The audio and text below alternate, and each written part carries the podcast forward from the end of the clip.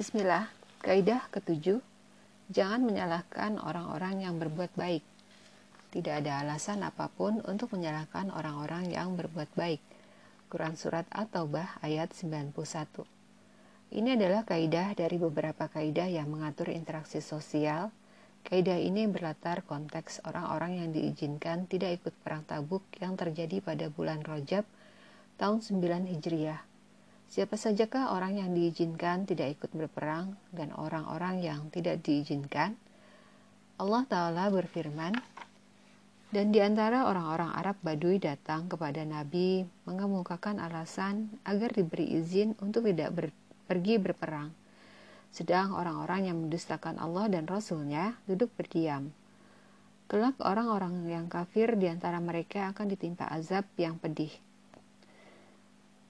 Tidak ada dosa karena tidak pergi berperang atas orang yang lemah, orang yang sakit, dan orang yang tidak memperoleh apa yang akan mereka infakkan apabila mereka berlaku ikhlas kepada Allah dan Rasul-Nya. Tidak ada alasan apa pun untuk menyalahkan orang-orang yang berbuat baik, dan Allah Maha Pengampun, Maha Penyayang. Dan tidak ada pula dosa atas orang-orang yang datang kepadamu Muhammad agar engkau memberi kendaraan kepada mereka Lalu engkau berkata, Aku tidak memperoleh kendaraan untuk membawamu. Lalu mereka kembali.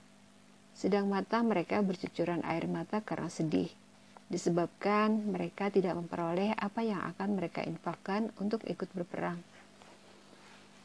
Sesungguhnya alasan untuk menyalahkan hanyalah terhadap orang-orang yang meminta izin kepadamu untuk tidak ikut berperang, padahal mereka orang kaya mereka rela berada bersama orang-orang yang tidak ikut berperang dan Allah telah mengunci hati mereka sehingga mereka tidak mengetahui akibat perbuatan mereka.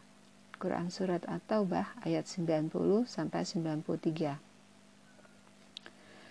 Arti kaidah di atas adalah orang-orang yang mengikuti uzur atau alasan yang valid seperti orang yang lemah, orang yang sakit, orang yang lumpuh, atau orang yang tidak memiliki biaya ikut berperang tidak berdosa karena tidak ikut berperang dengan syarat yang harus dipenuhi, yaitu apabila mereka berlaku ikhlas kepada Allah dan Rasulnya. Quran Surat At-Taubah ayat 91 Artinya, niat dan perkataan mereka, baik secara rahasia atau terang-terangan, tidak mengendurkan semangat, tidak memperberat langkah tentara yang lain, dan mereka benar-benar berbuat baik dalam menghadapi keadaan mereka – Harapan seperti ini dikukuhkan lagi dengan firman-Nya dan Allah Maha Pengampun, Maha Penyayang.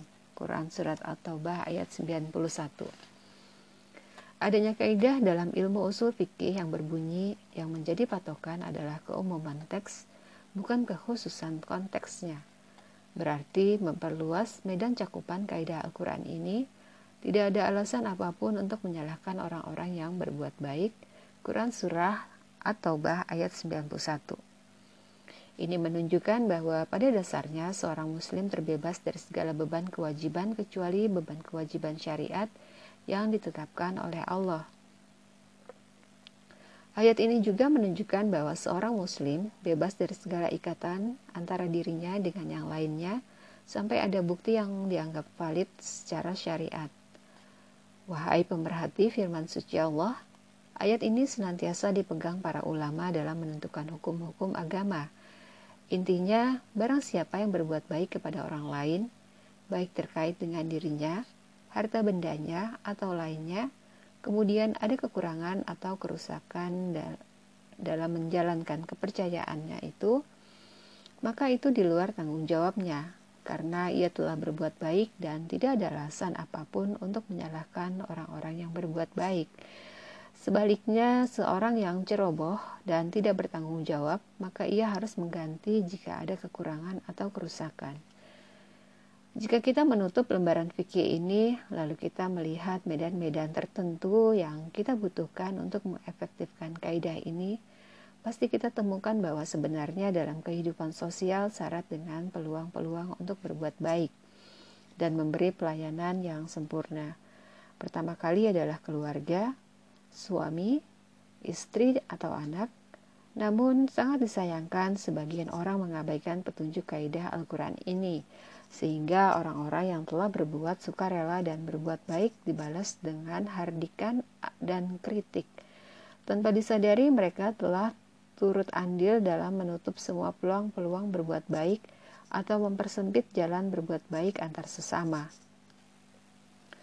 Renungkanlah kejadian berikut ini Seseorang bekerja dengan profesional di ranah dakwah, sosial, atau keluarga. Ia begitu gigih, bahkan tak segan mengeluarkan uang pribadi.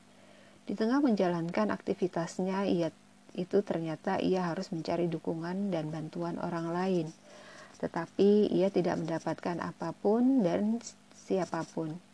Dengan berat ia jalani sendiri dengan bersungguh-sungguh, tekun dan ulet agar pekerjaannya berhasil dan selesai dengan memuaskan.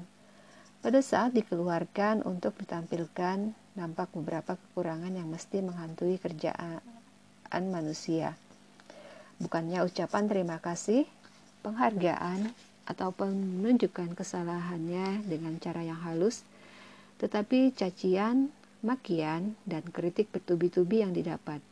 Padahal sebelumnya ia telah meminta bantuan orang lain – tetapi tidak ada yang mau membantu, sehingga ia meneruskan pekerjaannya sendirian. Ketika saat penampilan karya itu tidak ada yang didapat kecuali cercaan dan makian, bukankah orang sepertinya berhak menyandang firman Allah? Tidak ada alasan apa pun untuk menyalahkan orang-orang yang berbuat baik. Quran Surat At-Taubah ayat 91 Bukankah orang sepertinya pantas dikatakan kepadanya, Celaka kamu, kurangilah mencerca mereka, orang-orang yang telah berbuat baik, atau tutupilah celah-celah yang mereka tinggalkan. Kejadian-kejadian seperti ini banyak sekali dan berulang-ulang dalam banyak kesempatan, baik di rumah, sekolah, lembaga sosial, perusahaan, instansi-instansi pemerintah, atau di dunia informatika, baik dengan ulama, para dai, pegawai negeri, pegawai swasta, dan lainnya. Sungguh kita butuh mengoptimalkan makna kaidah ini dan dan metode berinteraksi dengan kesalahan-kesalahan orang-orang yang telah berbuat baik agar peluang-peluang melakukan kebaikan selalu terbuka. Mengingat jika kritik dan cercaan selalu dialamatkan kepada orang-orang yang berbuat baik dan relawan, maka tidak akan ada yang mengambil peran penting ini. Semua ini tidak berarti harus menunjukkan letak kesalahan atau menyebutkan kebenaran-kebenaran. Tetapi yang penting adalah bagaimana menghargai orang yang telah berbuat baik dan menjaga perasaannya. Kemudian mengingatkan kesalahannya dengan halus agar karyanya semakin baik dan berkualitas. Hal penting selanjutnya bahwa janganlah kita salah memahami contoh di atas dengan seorang yang berjanji mengerjakan sesuatu Kemudian ia tidak mengerjakannya dengan dalih ia hanya ingin melakukannya secara sukarela.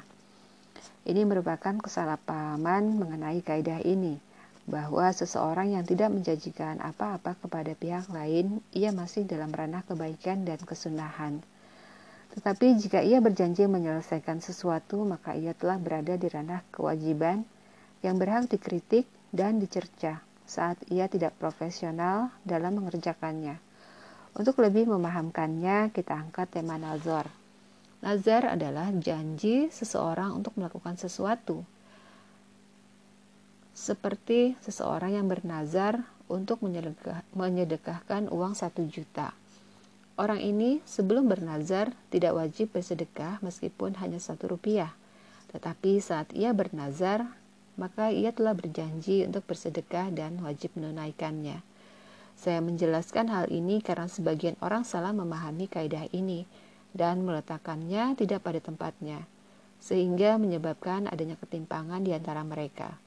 Karena salah satu pihak mengira pihak yang lain menjanjikan, sehingga ia mengandalkannya. Tetapi pekerjaan itu ditinggalkan dengan dalih ia hanya sukarela. Maka terjadilah kesalahan dalam memahami hakikat berbuat baik dan sukarela.